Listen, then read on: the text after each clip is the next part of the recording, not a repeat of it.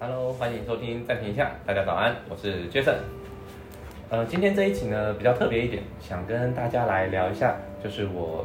回台南的嘛。那现在六月了，等于说我回来大概半年的时间，而这半年时间我都做了一些什么事情，或者是我目前手头上在筹备的一些呃预计要做的事情啊，想说在今天这一集来跟大家聊一下。好，那首先呢，相信大家都知道我有在录 podcast 嘛。一方面是我自己爱听 podcast，那另外一方面是觉得说可以去记录自己的生活。有些人可能用 Facebook 的 po 文啊、贴文，那更早期以前大家还在无名小站、在 blog 自己写写文章，自己写写一些心情小语，进进展进阶到现在是 TikTok，现在是 IG，去做自己的生活的一个记录。而我自己反而就觉得说，哎，那我就来录 podcast 好了。呃，录的长，录的久，我不知道，可能未来有工作、有事业之后，可能忙了没办法录音，那这会是我自己在这一段生命的历程中给自己的留下的一个记录或作品。然后呢，再来这半年，其实我比较常做的事情就是跟我一位朋友，那他找我好几年回到了台南，然后也是呃继承自己的家业啦，那想办法再把家业的品牌做推广，然后做发扬光大。而我就跟着他到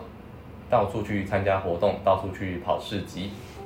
而在这样的活动当中，其实也同时认识了很多一同来参加市集活动的摊贩，听他们在叙说他们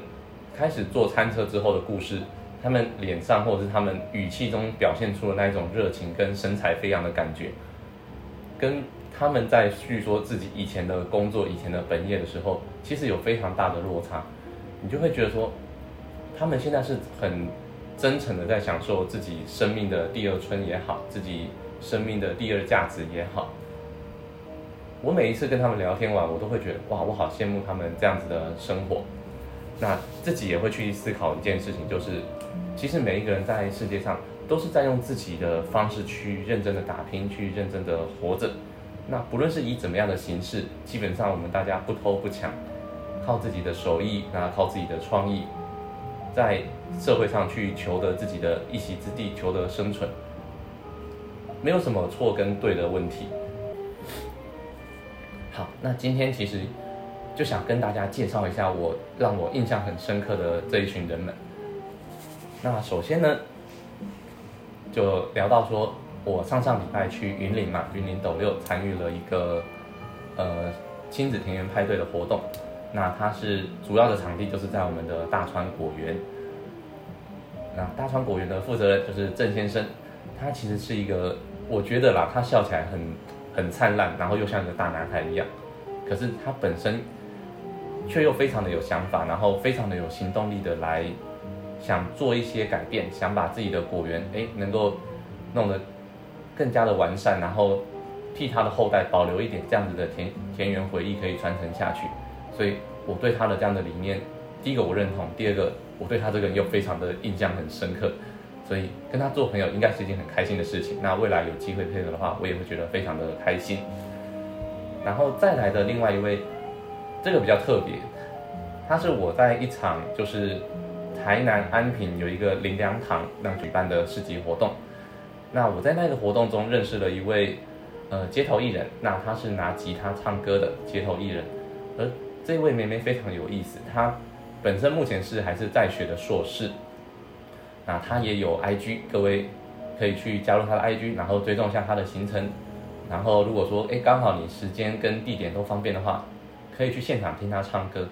我当时去这个活动的时候，我自己的状态是处处于处于一种比较彷徨不定，然后比较焦躁的状况，但是听她唱歌，听着听着。好像我心头的压力释放了一点，好像我心里的情绪比较稳定了一点，所以后来在第二次呃活动场地又遇到他的时候，我就大胆的去跟他要了 IG，所以偶尔我看到哎他活动的场地离我现在的距离没有很远的话，我也会过去听他一首，听他唱唱歌，然后支持他一下。那他的名字叫做秦如，然后他的 IG 连接到时候也会放在资讯栏，就欢迎大家都去追踪他。而后再来就是我们在台南水交社这个地方，在儿童节以及在更早过年的时候，我也去参与了那边的实习活动，那也认识了好几位，哎，我觉得很有趣的、很有趣、很有趣的摊商。有一个摊商，他的名字叫做甜心先生，那主要是贩卖杏仁冻的一些冰饮、冰饮。那不得不说，他们的杏仁冻真的好吃，因为我这个人其实非常非常喜欢吃杏仁，但是我对杏仁的那个要求就会特别的高了一点。就是他们家的杏仁冻的冰饮，却是我非常非常喜欢的。的甜心先生，那甜心先生他的讲话的那个语调，我觉得听起来非常的舒服。他不是那种高亢型，也不是那种低沉型，反而是介在中间。然后他的他的讲话也很幽默风趣。然后我们有时候讲一讲，讲到一些男人之间会讲到一些笑话的时候，我们彼此有共鸣啊。那听他讲话，你会觉得这个人很平稳，然后但偶尔会跟你开一些很幽默的玩笑，所以哇，他也是一个很有趣的人。那高高壮壮的。但是他在做饮料的时候，哎，他整个人蜷缩在那边在制作饮料的样子又非常的可爱。所以甜心先生的饮料，到时候我们一样，他们的 IG 或他相关资讯都会放在资讯栏，所以大家如果说有看到的话，都可以去试试看，然后支持一下。那再来是有一场活动我特别有印象，就是我在台南活了这么久，我第一次进去的地方就是我们台南女中，他们有一个毕业的。活动那一场活动，我印象最深刻的是，这些小女生的消费力道好惊人啊！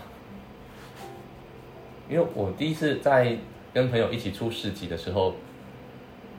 忙到手忙脚乱，我完全没有办法停下来。因为这些小女生，她们而且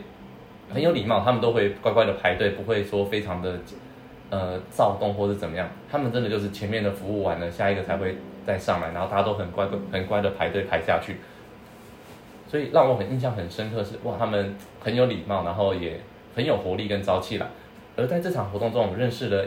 另外一间摊商，他们是卖鸡蛋糕的一对小情侣，嗯，还是小夫妻呢？我有点忘记了。不过因为他们的先生跟我们年纪比较相近啊，然后也蛮活泼的，所以你知道几个臭男生在一起就是会聊一些臭男生会聊的话题。我们就是聊的天南地北，因为一开始在活动开始之前，我们把所有的装备、所有的设备设置好了之后，我们。就开始聊天了嘛，然后互相交换一下彼此在各个活动的情报啊，然后交换一下彼此的商品试吃啊。哎，他们家的鸡蛋糕真的非常好吃，他们叫做哇靠鸡蛋糕，他们是做成那种猫掌的造型，然后里面会有比如说爆浆的巧克力啊，然后气丝啊，就是有各式各样的馅料，很好吃，非常好吃。我记得跟他们第一次活动认识，其实是在更早之前有一个万国通路。的观光工厂的活动认识的，那后来在男女我们又遇到了，也把他们纳入我今天呃聊天的题材之一。所以哇靠鸡蛋糕，各位如果以后在南部的活动，记得去支持一下他们这对可爱的小夫妻。那他们的东西真的也很好吃哦。好的，最后我想做个结尾，就是我比较私人的一些感想啦，就是我想在各位的生命的经验当中，一定都会有遇到一个时期，就是你可能非常的。焦躁或者是比较彷徨的时期，那这个时候你如果说你跟旁边的人商量的话，很大程度应该说很很大的机会会得到一个回答，就是你就去做你想做的事情试试看吧。而当你们的话题不断的加深的时候，你说出你想做一些什么事情的时候，这个时候你又很容易会遇到一一个回答，就是哎，但是你要考虑清楚啊，你要。架构的具体一点啊，不然你就是在浪费时间。以前我也是这样子的人，我也会很容易给人家这样子的建议。只是说，当自己在这半年、一年的时间遇到了这样的状况的时候，我的心态上、我的想法上、我的想法上反而有了一点转换，就是说，想做的事情，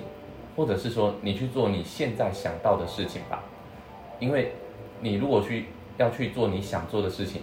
你很难免会去遇到说，哎，我架构的清不清楚啊？那这件事情做下去有没有未来性啊？有没有办法去创造价值？那最常听到就是，哎，能能够赚多少钱？这样子的回应或这样子的话语。所以我自己在这样子的过程走过来之后，很想给各位的一个建议就是，你想到的事情就去做吧，因为你当下想到的事情，你就相信它。是你现阶段能够做的最好的事情，所以我最后想用这样子的一个经验吧，来跟大家做一个结尾，好不好？那我们今天暂停一下录音，就到这边。我是杰森欢迎各位的收听。那我们下次再见喽，拜拜。